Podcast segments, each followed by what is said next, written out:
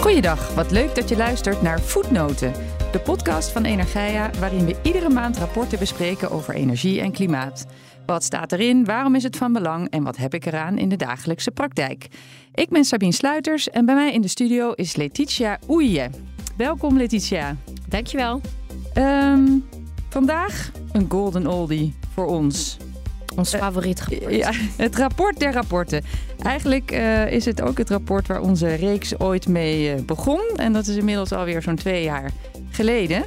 Wat heb je gelezen? De KEF. De KEF. Klimaat- en energieverkenning. Ja. Uh, nou, voor ons is dat dus de derde al. De derde KEF die we behandelen. Maar voor veel luisteraars is het misschien niet zo'n bekend rapport. Dus laten we even bij het begin toch maar beginnen. Wat is de KEF en ehm, wat hebben we eraan?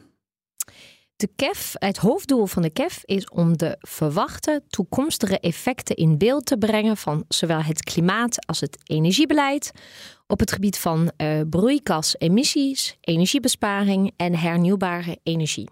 Aha, Oké. Okay. Een hele mond vol. Een hele mond vol. Je hebt het ook uh, eventjes nog voor jezelf opgeschreven op een van je vele aantekeningenblaadjes. Um, het is geborgd in de klimaatwet. Ja, precies. We hadden het er net nog over. Het is echt, staat echt vast. Hè? Het moet gewoon ieder jaar moeten uh, gekeken worden hoe staat het met de klimaatdoelen. Op de vierde donderdag van oktober krijgt de Tweede Kamer een uh, pakketje van het PBL.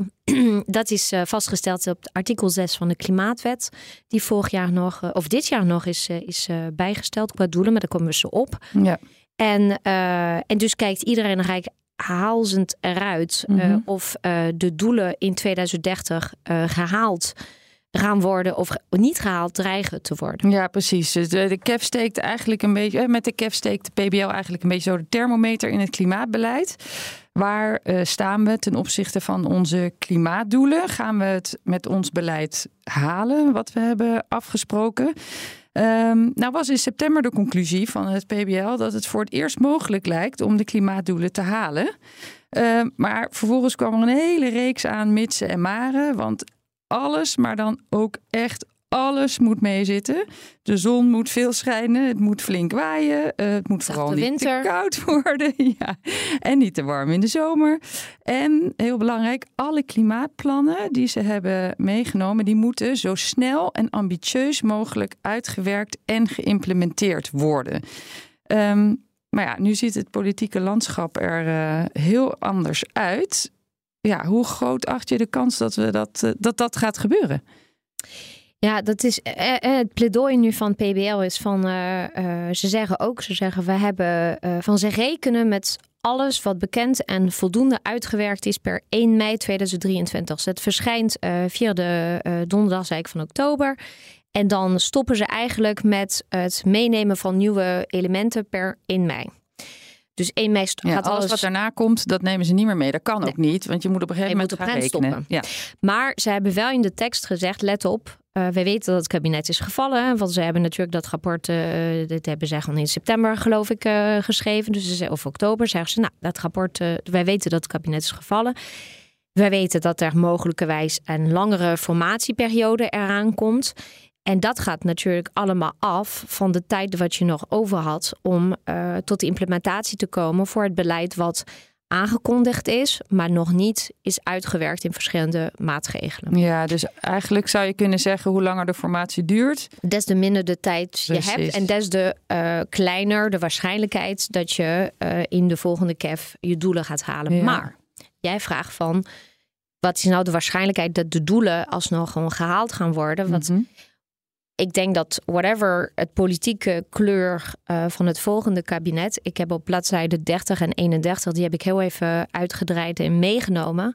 Heb je een, een uh, hele opsomming van de doelen waar Nederland zich aan te houden heeft. Ja, vanuit Europa. Vanuit Europa. Dus je hebt natuurlijk wel zaken zoals een nationale methaanstrategie of de coalitieakkoorden en dat soort dingen. Nou, dat, daarvan zou je kunnen zeggen van nou, dit is echt wel een Nederlandse aangelegenheid. Maar het EU-ETS, de Effort Sharing Regulation, de land, uh, land, de LULUCF, dat is iets met lang gebruik en forestry, uh, bossen. De mm -hmm. nieuwe Renewable Energy Directive, de Energy Efficiency Directive. Er zijn allemaal heel veel doelen voor Nederland die in Europees verband zijn afgesproken en die voor een heel groot deel bindend zijn. Ja, precies. Dus ja, je moet wel Daar aan de gaan- bak. Ja, je moet toch aan de bak. Hoe dan ook. Dit jaar hebben ze het een beetje anders aangepakt. Ehm, en is de CAF in twee delen gepubliceerd. Eh, het eerste deel kwam uit met Prinsjesdag. En nou ja, dat bevatte de ramingen voor de broeikasgasemissies. En het tweede deel kwam een paar weken geleden uit. Waarom hebben ze dat gedaan? Ja, ehm, om heel even terug te blikken op de CAF 2022, dus die van vorig jaar. eh, de, de, ja, de conclusie uit die CAF was dat er een nog grote fors restopgave was om de klimaatdoelen met grote zekerheid te kunnen halen. Ja. Dus dat was allemaal net niet genoeg. Eh, nou, je weet dat eh, het doel in de klimaatwet is 55%, maar het vorige kabinet had afgesproken, het nog zittende kabinet had afgesproken ja. 60% om een beetje ruimte. En precies voor wat je zei, stel dat het een beetje tegenvalt. En het is in 2030 heel koud. En, Ja. en het, de, de zon schijnt helemaal niet zoveel. Dus ze hadden gezegd, laten we mikken op 60%. Maar in juli 2023 is de klimaatwet herrijkt. En is het van 49 naar 55% CO2-besparing ten opzichte van de, eh, de, de 1990 1990. Ja. ja, cijfers. Nou, eh, dus er was nog een forse opgave. Dus het kabinet was een zet. En dat zet, dat hebben we besproken. Van dat was het voorjaarspakket. Mhm. In april heeft minister Jette een soort van lange lijst gestuurd met dit ga ik allemaal doen om extra megatonnen CO2-reductie te behalen in 2003, eh, 2030. Mhm. Het ging over 22 extra marathon. En eh, nou ja, goed, het was wel eh, zaak om eh, snel te rekenen op emissiegebied. Dus niet op energiebesparing en hernieuwbare energie, maar puur en alleen op CO2-emissiegebied. Gaat dit lukken met dat extra pakket? Van, met dat extra pakket, dat was allemaal meegenomen in de begroting, in Mhm. Prinsjesdag. En hij moet natuurlijk bewijzen van ja, al die miljarden gaan ze wel leiden tot het behalen van het doel. Dus wat PBL heeft gedaan, is dat ze gewoon met Prinsjesdag alleen de ramingen op broeikasemissie hebben uitgebracht. En dat zij op de vierde eh, ook, eh, donderdag van oktober hebben ze een complete KEF uitgebracht, conform klimaatwet. Met eh, de twee andere delen, dus eh, ook energiebesparing en ook de doelen op hernieuwbare energie. Ja, oké. Dus, ehm, want eh, ja, in de CAF nu staat hè, dat Nederlands, Nederland volgens ehm, eh, de, het beleid nu afkoerst op een CO2-reductie, even wat getallen, sorry, sorry, van 46 procent. of, hè, of ergens tussen de 46 en de 57 procent. Vorig jaar was er met dat beleid, zaten we maar op 39 tot 50 procent CO2-reductie. Komt dat dan door dat voorjaarspakket? Nou, Of is er ehm, nog meer extra beleid bijgekomen? Het zijn meerdere dingen. En misschien moeten wij ook even heel toch weer kort terug naar wat is de KEF en hoe werkt het? Ja, en wat, doen waar ze dat? kijken ze precies naar? Ja, precies. Ehm, nou, ten eerste, we zijn gewend om hier allemaal studies te bespreken die allemaal redeneren naar een doel. Ja. Dus bijvoorbeeld, hoe gaan we nou eh, zoveel procent CO2-reductie halen en dan terugrekenen van oké, dan zou je deze en deze maatregelen moeten doen. Dus dat zijn scenario-studies bijvoorbeeld. Ja. Ehm, dat is de KEF niet. Dus de KEF is puur en alleen van ja, we kijken wat de minister allemaal van de afgelopen, of het kabinet allemaal de afgelopen maanden heeft gedaan. We gaan kijken waar het beleid naartoe zou kunnen leiden. Ja, Eh, wat ze hebben gedaan, wat voor eh, maatregelen ze hebben bedacht en Ja. Hebben En hoe waarschijnlijk het is, ja, wat hebben zij bedacht, wat hebben ze ingevoerd en hoe waarschijnlijk is het dat het beleid wat gewoon ingevoerd is, gaat leiden tot daadwerkelijke Ja, behalen van de doelen.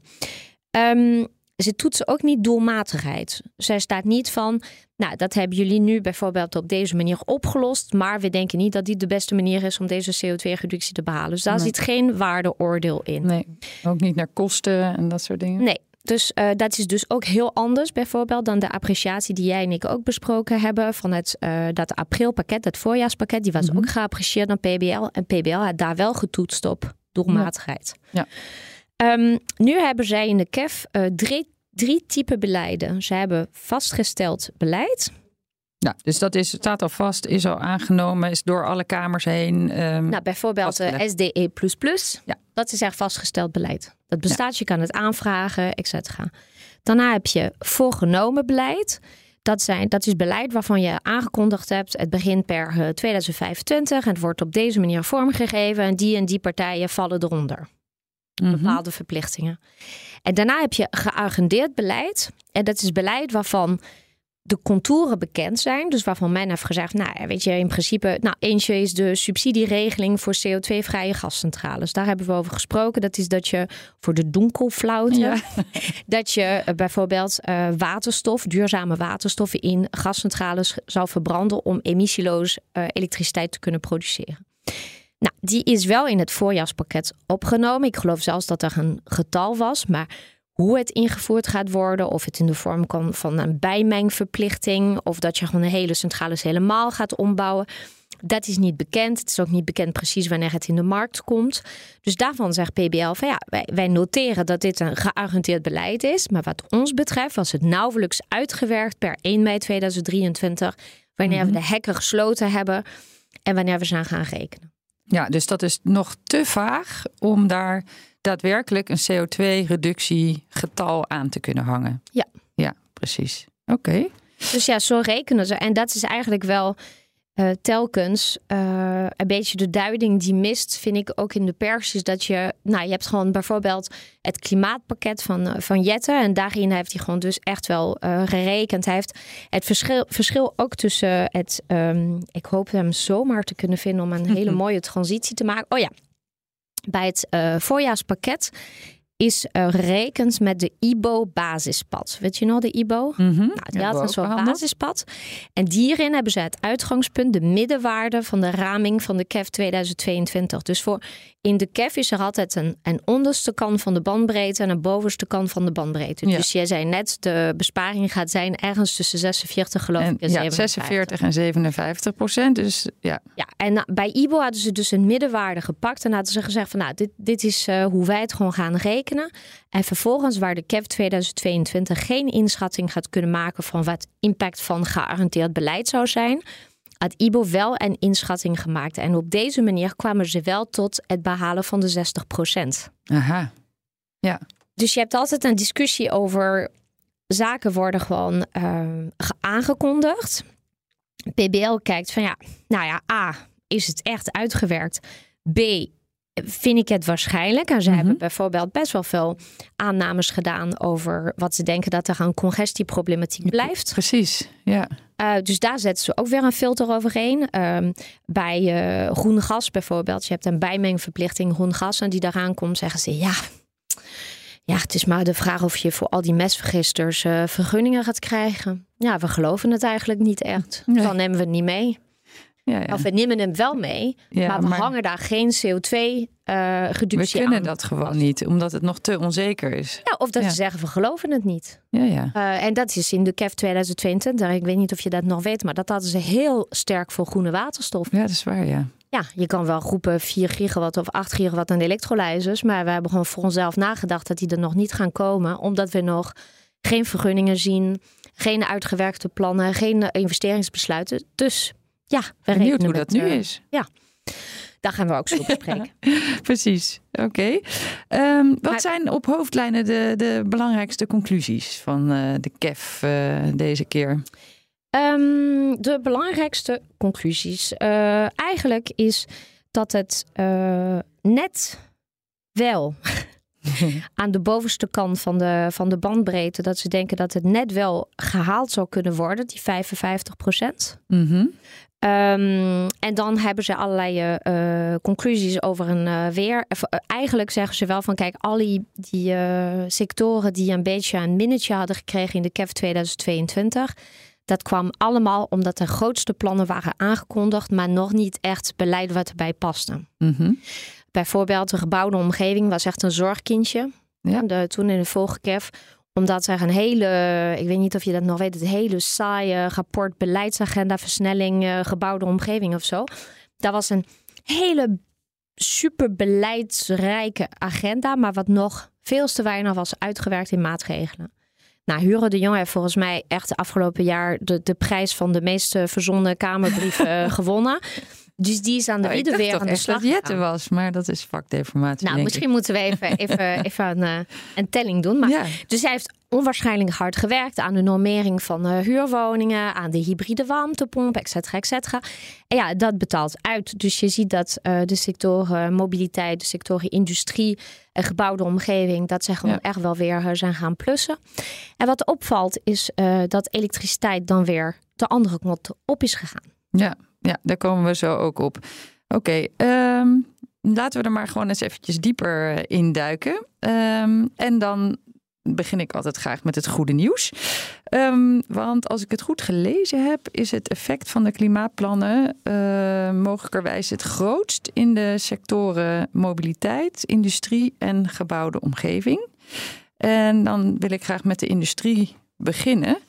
Ehm, hier kan eh, met alle beleid dat in deze KEF dus is geanalyseerd, 5 megaton meer CO2 bespaard worden dan vorig jaar werd ingeschat. En ehm, welk beleid zorgt voor die, eh, voor die extra reductie? De maatwerkafspraken vooral. Oh, oké. Dus eh, er zijn eh, in augustus 2023 waren er in totaal zeven expression of principles. Ja. Eh, dat zijn een beetje de hoofdlijnen van een maatwerkafspraken. En ik zag het eh, vorige week geloof ik, of de week daarvoor, nummer 8 was gekomen met BP Refineries. Maar en daar zitten nog een heleboel stappen achteraan, toch? Ja, dat klopt. En dat, eh, dat zeggen ze ook. Ze zeggen van, nou ja, weet je, dit is de, de start waar je de contouren afspreekt van hoe gaan we dan met elkaar eh, uit, eh, afspreken. Wat heeft, wat heeft de een nodig van de ander? Ja. Ehm, en dan vervolgens worden er voor de maatwerkafspraken dispensatierechten voor de CO2-heffing aan die industrie gegeven die niet verhandelbaar zijn. Ja, met name dat is heel belangrijk, hè? Ja. ja. En, eh, maar ja, goed, wat zegt eh, PBL? Die zegt van ja, eh, mooi dat die, dat die afspraken er nu gemaakt zijn. En dat wij gewoon een beetje de contouren zien van hoe die de grootste uitstoten. Ze zijn er twintig en ze zijn volgens mij echt met 15 nu in gesprek. En er zijn er al acht die hun plannen hebben in principe op hoofdlijnen ingediend. Dus ze zeggen dat is mooi, dat geeft ons echt een beeld van hoe ze dat gaan doen. Maar ze zeggen, let op, het is heel afhankelijk van twee zaken. Eerste is realisatie van de infrastructuur. ja. Nou, we zien de MIEK. Ehm, Je kan wel plannen hebben om enorm te elektrificeren, maar als dat niet voor het net kan, dan houdt het Dan op. houdt het op. Eh, maar het is niet alleen eh, eh, elektriciteit. Dat gaat natuurlijk ook over waterstof en CO2-infrastructuur. nou, daarvan zeggen ze van ja, we zien wel dat de MIEK, dat uh, meerjaren, Meerjaren infrastructuur. investering, infrastructuur. Nou, Nou, nou. meerjaren. Nou, sorry. Ehm, dat het eh, eh, in ieder geval voorgang eh, gaat krijgen bij de netbeheerders. Dus dat dit in ieder geval met voorgang wordt opgepakt door de netbeheerders. Dat, dat is mooi nieuws. En ze zeggen voor de rest zien wij dat het afhankelijk is van de budgetophoging van de perceelindustrie in het klimaatfonds. Mhm. Nou, en je had het over wat zijn mogelijke problemen van, die uit de formatie zouden kunnen Ja. komen. Dat klimaatfonds is natuurlijk niet onomstreden. Mhm. Ehm, bijvoorbeeld Pieter Omzicht heeft zich gewoon best wel kritisch uitgesproken over het klimaatfonds. Dus ja, het is maar de vraag of dit eh, overeind eh, blijft. Ja, dat wordt dus nog, eh, nog spannend. Maar de industrie doet meer. Ehm RED 3, dat is de Renewable Energy Directive, dus de Europese richtlijn voor duurzame energie. Eh, het is echt heel heftig te denken dat ik afgestudeerd ben toen het RED 1 was. Ja, En we zijn nu al aan RED 3. En als je weet hoe lang Europese processen duren, dan weet je, Ben hoe, je la- hoe heel oud, oud. ik ben. Ehm, maar daarin eh, staan onwaarschijnlijk veel. Als je ziet ook gewoon hoe de RED 1 eh, was en wat de RED 3 is, dan zie je dat het veel meer allesomvattend is geworden. Maar daarin staat bijvoorbeeld een bindend gebruiksdoel voor groene waterstof. En dat is dat ze kijken naar wat je nu op dit moment voor waterstof, eh, sorry, aan waterstof gebruikt in de industrie. Mhm. Eh, en dan moet daar een percentage en daar van. moet een percentage van 42% in. Oh, dat is best veel. ja, in, Dus dat klinkt veel. nou, in 2030 is het 42% en ik geloof 2035 is het alweer 60% moet dan eh, groene waterstof zijn. En daarvan eh, zit een hele berekening achter. Maar niet alles wordt geteld, omdat ehm, in de waterstof heb je bijvoorbeeld waterstof in de raffinaderijen die je maakt eh, van restgassen van hun eigen processen. Dus ze gebruiken daar geen nieuwe aardgas voor. Maar dat is geen groene waterstof. Nee, maar Dat wordt dus niet Ja. eh, meegeteld voor de hoeveelheid waterstof waarop de 42% toepassing heeft.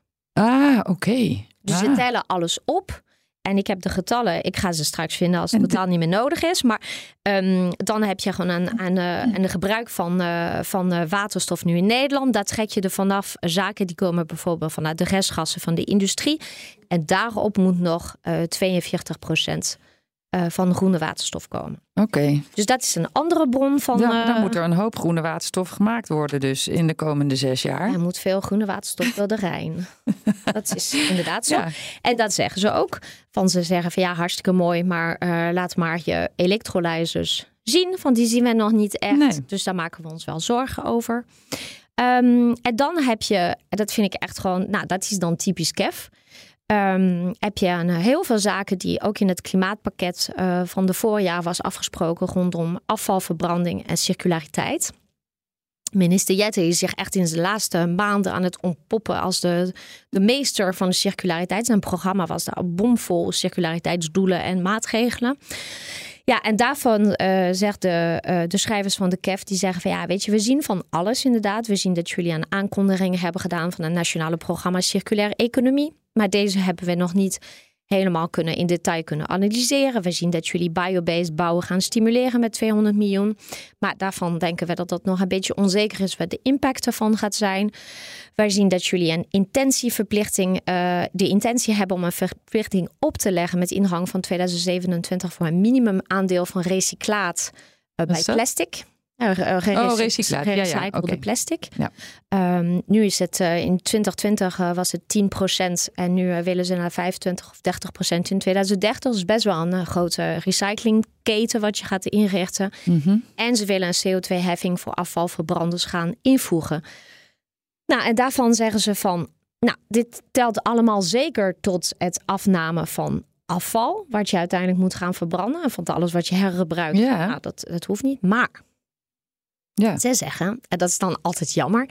In de KEF 2021 en 2022 was verondersteld dat het volume te verbranden geïmporteerde afval zou afnemen wegens het uitbreiden van de afvalstoffenbelasting tot het geïmporteerde afval.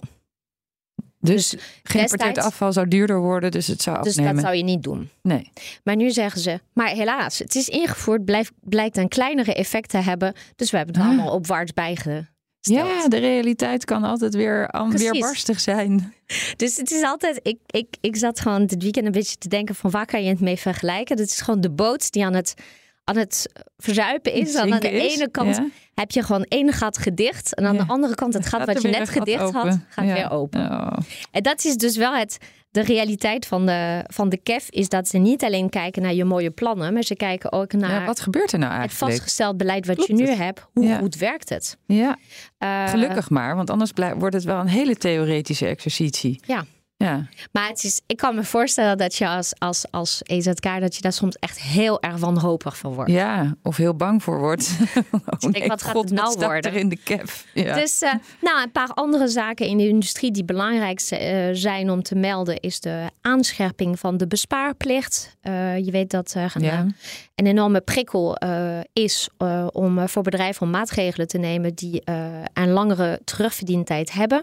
Nu is de bespaarplicht zo aangescherpt dat het niet meer vijf jaar is, maar alle maatregelen die zich binnen de zeven jaar terug kunnen worden verdiend, die moet je nemen. ja, en, maar goed, die eerste maatregel, daar werd ook al bijzonder weinig aan ge- mee gedaan. Ja, maar nu hebben zij, eh, dat hebben we in de IBO eh, gelezen, dat is aangescherpt toezicht. Dus Ja. er komen veel meer eh, toezichthouders. En dat is ook weer een beetje een jammere van de KEF. Hij telt bij hen in de gebouwde omgeving, maar ik pak hem erbij om jullie echt een beeld te geven van hoe dit soort dingen gaan. Ehm, waar is die? En dat was dat, ze praten ook over het aangescherpt toezicht. Oh, ik had hem zelf een andere kleur gegeven. Ja. Ze Het is serieus een wonder dat ze dit kan vinden, want er liggen echt heel veel blaadjes. Bladzijde 11. Ik ben heel georganiseerd, Sabine. Ehm, er staat erbij. Eh, nu is er dus aanscherping in de informatieplicht en de onderzoeksplicht in de dienstensector. Dus dit gaat niet meer over de industrie, Nee, maar de gaat- dienstensector. Maar dat is om jou te laten zien hoe dit doorwerkt. Ze zeggen, nou in 2022 hebben 69% van de mensen die onder de plicht vallen, hebben daadwerkelijk iets ingediend Ja. bij de toezichthouder. Daarvan is gebleken dat 15% voldeed en 85% is het maar de vraag of het voldoet. Of denken ze dat het helemaal niet voldoet? We hebben gewoon een leeg blaadje ingevuld of zo. Weet ik veel. Of gewoon plannen waarvan men denkt van, nou, dat, Dat- denk ik niet. Ja, En ze zeggen, Nou, in de KEF 2022 dachten wij dat met dat verscherpte toezicht dat wij voor de energiebesparingplicht uit zouden komen op Ja. 80% naleving. Ja, ja. We hebben het bijgesteld en nu is het ergens tussen de 40 en de 70 procent. Ja, helaas. Ja. Helaas pindakaas. Dus dat is, eh, nou ja, dat Ja, is gewoon minder op. Ja, dat kan, dat kan gebeuren. Maar het is wel heel goed dat dat nog steeds eh, gecheckt wordt, inderdaad. Absoluut van, anders ben je natuurlijk gebakken luchtkastelen. Nou, daarom, daarom. Ben ik wel blij om. Ehm, gebouwde omgeving. We hadden het al net eh, eventjes over. Met het beleid wat er dus nu is, ehm, kan de CO2-uitstoot met 12 tot 18 megaton worden gereduceerd. En dat is ook weer meer dan eerst. Dat is namelijk 3 megaton meer. En eh, dat komt door welke plannen? Dat komt door van alles. Eh, eigenlijk wat ik zei, de, de uitwerking van dat versnellingsagenda, eh, verduurzaming. Ik, ik, ik geef hem echt elke aflevering krijgt hij een nieuwe naam. Maar goed, je weet welke ik bedoel. Ehm, er is een beleid voornemen voor in totaal 9,3 miljard wat eronder ligt. Eh, de DUMAWA, dat is de subsidie voor maatschappelijk vastgoed om die te verduurzamen. De WIS, dat is de CAPEX-subsidie voor nieuwe warmtenetten. De NIP, dat is de Nationale Isolatieprogramma Subsidie. Ja, dat is mijn werk. Oké, ja, nee, ik snap hoofd. het, ik snap het. Maar de, De normering die van worden denk ik- cw-ketels. Oh ja, ja, precies. De hybride warmte, de dwangpomp. Noemen ze hem in de Telegraaf. Dwangpomp. De dwangpomp. ETS 2. 2027 Ja. voor de gebouwde omgeving valt ook onder de ETS. En alle werk wat er gedaan wordt in de huursector om de slechte labels eh, Ja. uit te verzeren. Ja, Waarbij weer, bij alles zit een kanttekening bij de KEF. En ze zeggen van ja, maar als we zien de normering in de huursector, eh, zowel de coöperatiesector als de vrije huursector. En we zien dat in 2029 alles wat niet label D of meer is, eh, eigenlijk niet meer verhuurd gaat worden. Zijn we bang dat gegeven de financiële ruimte bij verhuurders, de rentestijgingen, de bouwkosten mhm. en de huurprijsregulering in het middensegment, dat alle slechte labels op de koopmarkt verdwijnen. Oh, dat wordt gewoon verkocht. En- Wordt gewoon van die bouwvallen verkocht. En eh, ja, dat valt natuurlijk niet onder een normering. Dus ze zeggen van ja, daar moet je ook weer niet rijk rekenen. dat is ook weer zo'n gat wat kan ontstaan. Ja. Jemig. Ja, Eh, maar wat, heeft, eh, wat is er nog meer? Nou, we hebben over de bespaarplicht. nou, misschien nog eventjes terug, want je, Ja. je noemde een hele reeks, aan, aan afkortingen. Dat zijn allemaal subsidies. Eh, Dus ja. we hebben subsidies. Nou, de hybride warmtepomp, daar kan je wel iets van een subsidie op krijgen. Maar dat is vooral een Dat is normering. normering. Ja. Maar al die WIS en de NIP en de... Ja, Dat is allemaal subsidies Ja, voor... ETS 2 is geen subsidie en uitfaseren slechte labels is geen Ja, ja. Oké, dus het is een, eh, een mix van normeren en eh, subsidiëren. Ja, en ik mag natuurlijk geen, als eh nederige podcastmaker, mag ik geen appreciatie doen van de KEF, maar Voor mij wel ik hoor. doe het toch. Ehm, ik denk dat zij ehm, te weinig hechten aan het werk wat nu door het ministerie wordt verzet op het gebied van vereniging van eigenaars. Ja, Dat zijn anderhalf miljoen woningen waarvoor nu heel hard wordt gewerkt, zodat zij de mogelijkheid krijgen tot verduurzaming of isolatie. Mhm. Dus ik denk dat dat best wel eh, in de KEF 2024-2025 best wel een meevalletje zou kunnen worden. oké. Meer zeg ik niet. We gaan het volgend jaar waarschijnlijk Nee, zien. en dan hadden we het over, nou, dat groene gas heb ik jullie verteld waarom dit niet, eh, eh, waarom dat niet helemaal realistisch wordt geacht. En dan hebben ze het over dat ze verwachten meer zonneproductie in de gebouwde omgeving achter de meter. Dus dat mensen eigenlijk steeds meer zonnepanelen nemen. Ja. En dat weet ik van, ik heb ze net. En hoe voelt dat? Nou, midden in de doekkonflauwte. Ja. Ik heb er is geen dag zon geweest sinds ik ze heb. Dus dat is misschien ook wel een teken. Maar Veeg teken. Nou ja, dat is niet zo gek als je in november zonnepanelen op je dak legt, toch? ik, wacht, eh, ik wacht al twee jaar volgens mij, maar goed. Ehm, nog, e- zullen we, ben, je, ben je uitgepraat over ik ben de... uitgepraat ja? over Oh, de... zo. Nou, ik ben nooit uitgepraat over de gebouwde omgeving, maar... maar nu even wel. Eh, gaan we door met de mobiliteitssector. Eh, jouw lievelings, geloof ik. Ehm, ook hier meer ehm, eh, CO2-reductie dan eh, eerder gedacht. Want ehm, als ik het goed gelezen heb, gaan we van ehm, nou, zo'n 18 tot 25 megaton eh, CO2-equivalenten ehm, besparen in 2030. En dat is 7 tot 8 megaton meer dan eh, de CAF vorig jaar eh, berekende. Ja, wederom de vraag, hoe komt dat? Waar ligt dat aan? Welk beleid is hier doorslaggevend geweest? Ik moet je vertellen, ik vind het zo ingewikkeld, want uh, er lopen verschillende dingen bij mobiliteit door elkaar. Dus ik heb hem gelezen, maar ik denk echt wel dat ik misschien toch wel uh, mijn niveau moet gaan uh, bijschaven. Dus als iemand een stageplek heeft voor een paar weken op mobiliteitsgebied, dan kom ik eventjes klussen in de kerstvakantie. Ze heeft namelijk niets te doen. Maar um, nou kijk, wat ze zeggen, ze zeggen mobiliteit, dat is belangrijk om te zeggen. Wat is dat? Dat is wegverkeer, trams, treinen, binnenvaart, mobiele, mobiele voertuigen. Ja, en waarom zeg ik dat? Uh, vrachtwagens. Ja, heel belangrijk. En waarom zeg ik dat? Maar ook vliegtuigen, ja precies. Ja, Mm Omdat in Nederland verkochte brandstoffen die ingezet worden voor internationale lucht- en, en scheepvaart, ja. um, tellen wel mee voor de doelen van energiebesparing en hernieuwbare energie voor mobiliteit, maar niet mee voor de Nederlandse klimaatdoelstelling. Ja. Daar hebben we vaker over gesproken. Mm -hmm. um, dus nou, dat is belangrijk om te zeggen dat je dan. En het is nogal wat. Dat Want, is nog absoluut wat. Alleen al Rotterdam is de grootste bunkerhaven van Europa. Bunkeren, dat doen schepen. Die, die, die eten dan heel veel. Nee, die, die tanken dan in die haven. Um, dus, uh, dus daar gaat nogal wat doorheen. Ja, ja, maar goed, daar hebben we ons uh, vaker over, over mm -hmm. uh, verbaasd. verbaasd. Ja. Um, maar goed, dus dat, dat, mobiliteit, dat is, dat, dat, je hebt dus drie uh, doelstellingen die ze dan getoetst hebben. Besparing hernieuwbare energie nemen ze dus wel de bunkerbrandstoffen mee. Als het gaat om klimaatdoelstellingen nemen ze dat niet. Niet mee. Um, nu zeggen ze uh, een paar dingen. We hebben meer kilometers gereden in 2022, met z'n allen, met benzine en diesel. Maar ze zeggen eigenlijk... Dan uh, 2021. Uh, zat iedereen ja, thuis ja. met corona? Nou, ze zeggen, uh, ja, dat, dat, zeggen ze niet waarom dat zo is. Ik ga ervan uit dat dat, dat, dat het wel is. We zijn volop weer in beweging. Maar ze zeggen het is wel belangrijk om te weten dat dat eigenlijk uh, bijna uh, geen effect heeft gehad op de uiteindelijke CO2-uitstoot. oh. Dus dat is natuurlijk huh? gek, maar dat klagen ze wel. Okay. Ze zeggen dat komt heel erg door grenseffecten omdat we met z'n allen in de crisis bezig zijn geweest met het invoeren van accijnsverlagingen. Ja. Uh, maar dat hebben wij op andere momenten gedaan. Dus niet alle landen, alle uh, grenslanden van, van Nederland, dus uh, België en Duitsland, heeft het op hetzelfde moment gedaan. Er zijn best wel veel mensen dus, die, zeker mensen in de grensregio's, die zijn over de grens gaan tanken.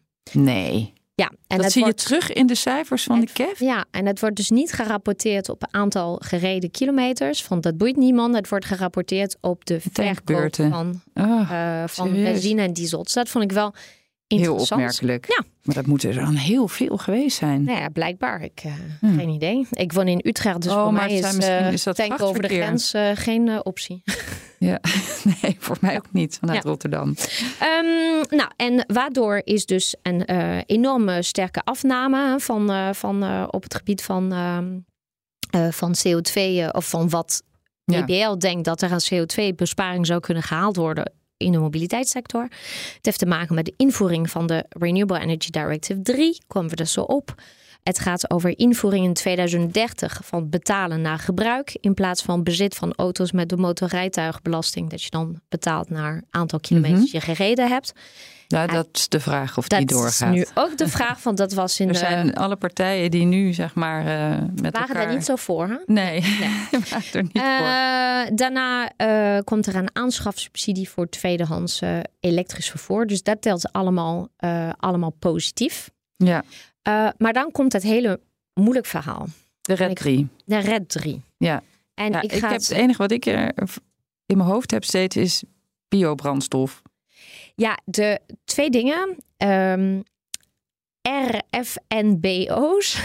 Oké, okay, die dat zoeken we even volgens op. Mij, nou, dat is volgens mij gewoon biobrandstoffen op, ja, bi, nou niet, nee, sorry, hernieuwbare brandstoffen op basis van of hernieuwbaar of biogene. Ja, ja. Um, ik zei het vast verkeerd, maar renewable fuel, bla, bla. Nou, had ik moeten opzoeken. Um, en ze zeggen van uh, binnenkort moet je dus uh, de uh, verplichting die al was voor het invoeren van brandstoffen, die wordt gewoon uitgebreid naar ook lucht- en scheepvaart. En eigenlijk moet er, uh, geloof ik. Dus die moeten ook zoveel procent biogene brandstoffen of groene waterstof toevoegen of groene waterstof. Ja. En uh, nou, dat, is allemaal, dat leggen ze allemaal uit dat het allemaal moet en hoeveel procenten. En dan heb je een aantal procenten voor, die, uh, voor de groene waterstof. En dan heb je een bepaald percentage daarbinnen die gewoon voor uh, biogene brandstoffen moet zijn. En ze zeggen eigenlijk van ja, weet je, het hangt af van twee dingen. Of dit gaat lukken. Uh, gaat het lukken met de opschaling van uh, de, de inzet van de hernieuwbare brandstoffen? Ga je voldoende ja. grondstoffen vinden en heb je voldoende productiecapaciteit om die biobrandstoffen te maken? En waar maken we dat van? Um, algen. Oh. Uh, met, biomethanol of zo. Ja, echt geen idee. Daarom moet ik stage lopen. Ja. Ik weet het niet. Okay. En ze zeggen het andere, en dat is interessant. Ze zeggen van ja, dat groene waterstof hadden we er net over. En als je de groene waterstof gaat gebruiken voor de 42% binnen de industrie. En je gaat meer groene waterstof nodig hebben voor de uh, het levering van uh, bij de raffinaderijen voor de leveranciers van, die, uh, van, de, van ja. de diesel en de benzine. Ja. ja, dan krijg je een allocatieprobleem. En dan of de een haalt de target niet meer, of de ander haalt de target niet meer. Van ja, gaat maar de groene waterstof maar één keer kunnen inzetten. Dat snap ik. Ja. Dus dat maakt het spannend. En wat er nu wordt gemaakt aan uh, elektrolyzers, of althans waar investeringsbeslissingen voor genomen zijn, die zijn wel allemaal bedoeld volgens mij voor gebruik in de raffinaderij. Uh, nou, kleine, uh, je hebt best wel veel van die kleine, uh, hele kleine projecten. Die gaan dan wel naar die tankstations. Ja, die wel. Dat zijn de hele kleintjes. Maar volgens mij zijn die grote van BP, Shell. Ja, maar die gaan naar de raffinaderijen met ja. de chemie sector. Die gebruikt ook. En de kunstmest, ja, die heeft ook groene waterstof nodig. Ja, ja, nee. Dus dat is, uh, dat is spannend. Ik doe dit hoofdstuk echt gewoon geen uh, recht. Dus okay. ga het zelf lezen. doe het lekker zelf. um, en dan zeggen ze het volgende. Zeggen ze over dat betalen naar gebruik. Zeggen ze, nou weet je, um, het gaat 100% afhangen van de vormgeving en van de tariefstelling. Ja.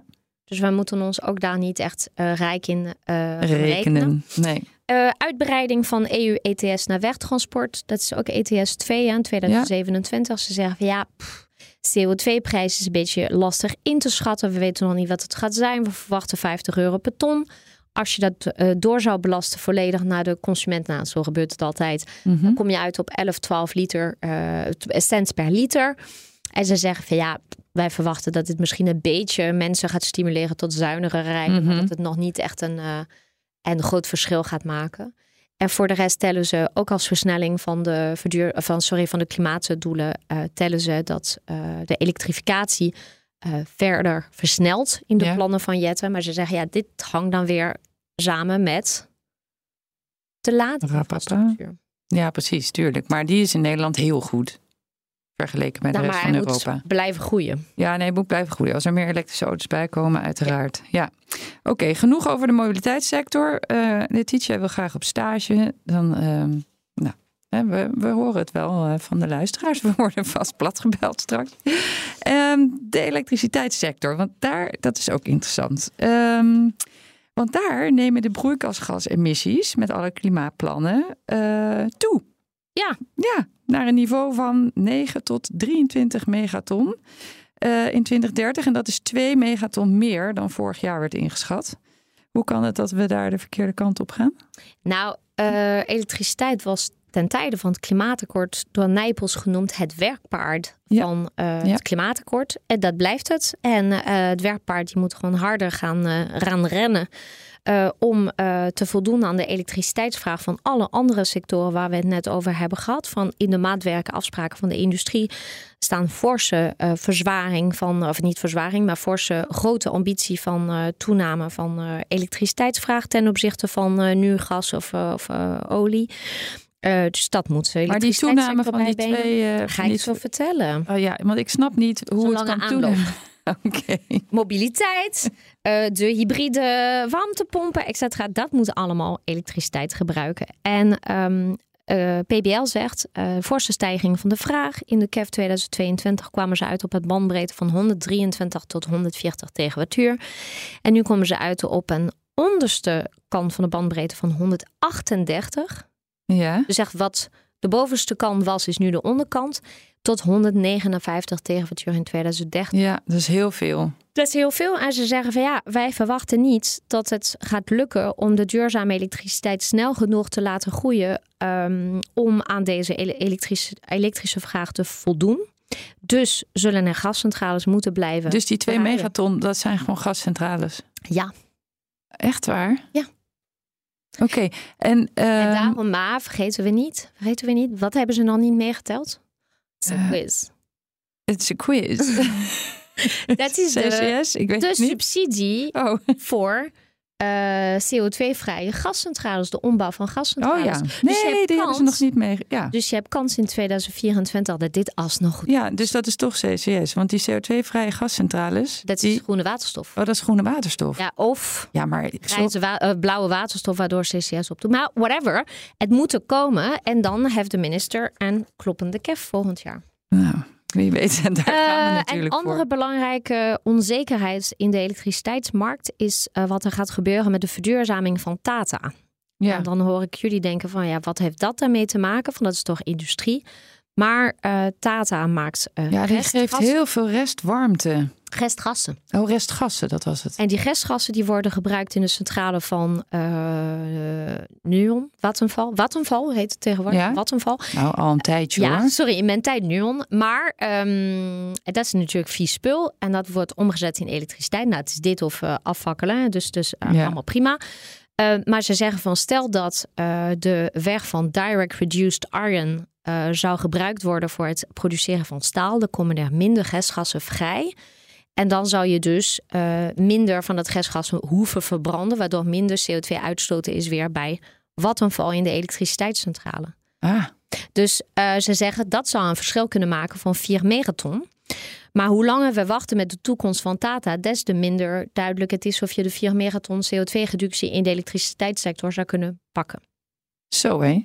Zo hangt alles aan elkaar Dus samen. volgende keer zeggen we niet hoe is het met de elektriciteitssector, maar zeggen we hoe is het met de plannen van Tata. Ja, vanwege de restgassen. Ja, Ehm, en ze zeggen van natuurlijk, de onzekerheid op de elektriciteitsmarkt is levensgroot. Eh, het hangt af van de ontwikkeling van de prijs van CO2, van de prijs van brandstoffen. Als aardgas ineens gewoon onwaarschijnlijk duur gaan worden, dan ga je Mhm. toch heel veel kolen in de centrales eh, gooien. En ze zeggen, het hangt ook heel erg af van de vraag en het aanbod eh, van de elektriciteit in onze buurlanden Mhm. als al onze buurlanden gewoon weinig doen aan het, eh, aan het eh, toe. Aan het, ze, zij krijgen ook een stijgende vraag naar elektriciteit Ja. van iedereen. Is dat ze gek aan het verduurzamen? Maar als ze niet hun verantwoordelijkheid nemen en hun eigen centrales of wind op zee, weet ik wat, gaan bouwen. Ja, dan zitten wij gewoon te draaien voor de buurlanden. Ja. En dan moeten de gascentrales nog harder draaien, waardoor je nog meer toename van CO2 zou hebben. Overigens, het, het klinkt als een toename. Dat is een toename ten opzichte van de CO2-uitstoot in de Van- KEF 2020. Precies, dus laten gaat wij over even- één jaar. Maar toch, maar toch. Nee, het is wel inderdaad een. eh, Het gaat het om een toename. Dat willen we natuurlijk niet. Nee. nee. Ehm, Oké. Ja, het planbureau laat wel weten dat er een heleboel klimaatplannen uit het voorjaarspakket dus niet is meegenomen in de berekeningen. Ehm, en het eh, kabinet Rutte 4 verwachtte in het voorjaarspakket eh, dat met al deze klimaatplannen in 2030 nog een aanvullende emissiereductie van ruwweg 10 megaton mogelijk was. Ja, om welke plannen gaat het daar dan? Ja, die ze nu niet eh, uitgewerkt hebben, of die ze te weinig uitgewerkt vonden in de KEF op 1 Ja. mei 2023, ging over een hele grote landbouw, de NPLG landbouwplan, die een eh, beoogd effect zou hebben van 4 megaton. Nou, ik heb gezien dat op 1 juli 2023 de provincies hun eerste brief met conceptvisies hebben gestuurd. En Hm. dat het in dis, de vaststelling zou in begin 2024 zijn. Dus daar is mogelijkerwijs in CAP Ja. 2024 straks iets van terug te vinden. Eh, de negatieve emissies bij afvalverbranders en de aanscherpen van de CO2-heffing, daar is niet meegenomen. Stimulering van negatieve emissies in de elektriciteitssector is ook nog niks mee gedaan. Nou, vond ik ook in de voorjaarspakketten ook gewoon flink vaag. dun. Dus dat Ja. komt nog. Subsidieregeling voor de CO2-vrije gascentrales, daarvan Ja, hebben ze dat gezegd, hebben we genoemd, ja. en daarna hebben ze een hele reeks ehm, maatregelen waarvan we zeggen: ja, we zien het wel, alleen we kunnen totaal niet inschatten wat dit voor impact gaat hebben op eh, de, hoe noem je dat? Op, de, op, op CO2 of, of energiebesparing. Bijvoorbeeld het programma Demand Side Response Mhm. eh, bij de industrie. Eh, een verplichting om een batterij te plaatsen bij zonneparken op land. Eh, de, het biobased bouwen en circulair slopen. Eh, binnenvaart naar een label B. Vergroening van onze reisgedrag. En bijvoorbeeld het aanscherpen van een door, uh, de normen voor duurzaam inkopen in de mobiliteitssector. Dus dat als je een leaseauto hebt, dat het een duurzame leaseauto moet zijn. Ze zeggen ja. ja ja, top. Maar ga gewoon even aan de slag. Ga het snel uitwerken. Ga het implementeren. En dan zullen wij opnieuw de thermometer erin steken. Ja. Oké. Hey, 2030, dat is over zes jaar. En om tegen die tijd 55% minder CO2 uit te stoten, moeten alle plannen dus snel concreet gemaakt worden en uitgevoerd worden. Um, nou ja, daarvoor zijn vaak subsidies nodig, normering, we hadden het er net over, fiscale maatregelen. Maar ja, ik vind zes jaar zo ongelooflijk kort. Um, gaat dat op tijd lukken? Weet je, wat, wat zijn de belangrijkste belemmeringen, denk jij? Ja, ze hebben een aantal. Denk jij niet, maar denkt PBL? Denk, denk PBL. nou, ik denk dat PBL denkt wat ik denk. En dat is, uh, ze zeggen van de, de, verschillende belemmeringen die je ziet, is, uh, zijn een paar. Dat is gewoon ontwikkeling van de energieinfrastructuur. Ja. Uh, ze zeggen ja, we hebben een, een afslag op de, op de plannen genomen voor de congestie in de elektriciteitsnetten. Ik heb niet precies kunnen zien van wat voor afslag ze genomen hebben. Ik heb wat rondgebeld en daar zijn natuurlijk wel de wenkbrauwen wat gefronst. Omdat ze zeggen ja Ehm, ja, hm? is het dan echt aan de PBL om te beoordelen welke plannen van Tenet wel of niet ja. Uh, daadwerkelijk uitgewerkt zijn? Uh, plus, uh, Jette heeft gezegd, ik ga onorthodoxe maatregelen nemen. Dus ja, wie weet komen er vergunningen sneller. Um, ze zeggen, wij hebben bijvoorbeeld de problematiek rondom natuurvergunningen en stikstof hebben we niet expliciet in de KEF meegenomen, maar dat speelt zeker. Ik bedoel, alleen al voor het isoleren van woningen hebben we natuurlijk de uh, ontheffingen op de wet uh, natuurbescherming voor de vleermuizen, vogeltegevels en daken. Mm uh, ze zeggen de, de krapte op de arbeidsmarkt, zeggen ze, hebben we niet expliciet meegenomen, maar dat speelt natuurlijk een rol.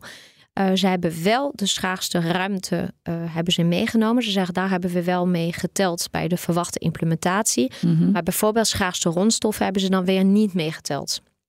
Okay. Dus ze doen een beetje, vind ik altijd een beetje boodschappen over wat. ja, wat wel, wat niet. Maar goed, dat zijn wel grote red flags. En ik denk dat er niemand is die nu heeft meegedaan aan de Tweede Kamerverkiezingen. die niet vindt dat dit ook gewoon issues zijn nee. in de komende tijd. Te weinig mensen te veel conflicten in de ruimte, uh, problemen met allerlei verschillende wetten die elkaar conflicteren, bijvoorbeeld het gebied van natuurbescherming en, uh, en de energieinfrastructuur. Ja. En hiernaast nemen zeggen natuurlijk een gigantische uh, ja, slag om de arm als het gaat om de ontwikkeling van de prijzen.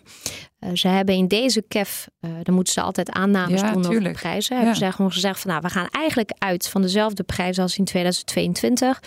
Niet omdat we lui zijn, maar omdat we zien dat er in de laatste studies en scenario's dat de, uh, de scenario's eigenlijk amper afwijken van waar we mee gewerkt hebben in 2022. Dus het is de moeite niet. Maar ik hoor overal dat de prijzen juist zo enorm stijgen. Ja, maar zij, hebben, zij hadden natuurlijk in 2022 al echt vele hogere prijzen dan wat zij 2021 en, uh, en uh, de jaar daarvoor hadden.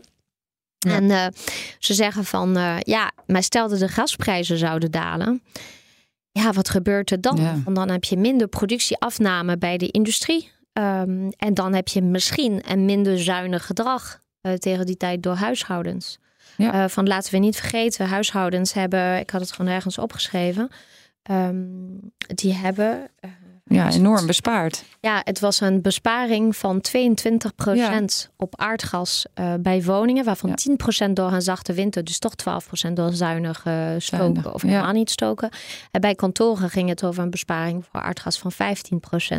Dus ze zeggen van ja, is dit een blijvend zuinig uh, stookgedrag of is het dat mensen gewoon kou lijden zonder de kachel aan? Ja.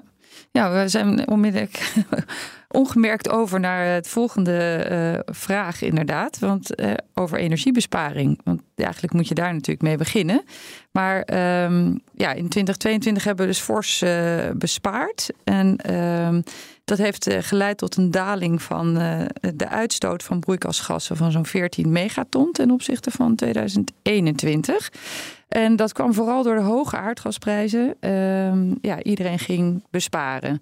Um, nou mag Nederland in 2030 maximaal 1609 petajoule aan energie gebruiken, verbruiken. En in 2021 verbruikten we met z'n allen in Nederland bijna 1900 petajoule. Gaan we dat met deze klimaatplannen redden om zoveel te besparen dat we daarop uitkomen? Ja, dat hebben ze dus getoetst. En dat is wel belangrijk, uh, want uh, je had het aan het begin van deze podcast over wat, wat blijft straks over als bijvoorbeeld een kabinet zich minder ja. zou trekken van, van doelstellingen. Nou, er is heel hard gewerkt in Europa aan het aanscherpen van de energiebesparingsdoelen afgelopen jaren. Dus in 2018 was er in de Energy Efficiency Directive waren er allemaal afspraken gemaakt over het verminderen van energiegebruik door alle lidstaten. In 2021 was het Fit for 55, hadden ze gezegd, we gaan onze besparingsdoelen aanscherpen. 2022, na aanleiding van de inval in Oekraïne, was er Repower EU. Wanneer ze zeiden van nou, we moeten nog meer de duimschroeven. De duim... Ja, duimschroeven aan. Dank je. 2023 maart hebben ze net op tijd voor de KEF een definitief akkoord bereikt. En uh, in 13 september 2023 is de herziende elektriciteits- of sorry, energie efficiency directive dat is alle energie uh, verschenen. Ja. En ze willen daar een reductie op primair en finale energiegebruik van 11,7 procent ten opzichte van de prognoses die in 2020 zijn gedaan over 2030. Dus 2020 had je een aanname over wat is de vraag in 2030. Ja. En daar willen ze 11% onder gaan zitten. 11,7 procent. Waar komt zo'n getal nou weer vandaan? Ja, weet ik veel. Ja, 11,7 procent. 11,7 luistert heel nauw. Of 12, maar nou ja. En um, eigenlijk wat PBL zegt, die zegt van op finaal gebruik is onze aangescherpte besparingsdoel binnen handbereik. Oké. Okay.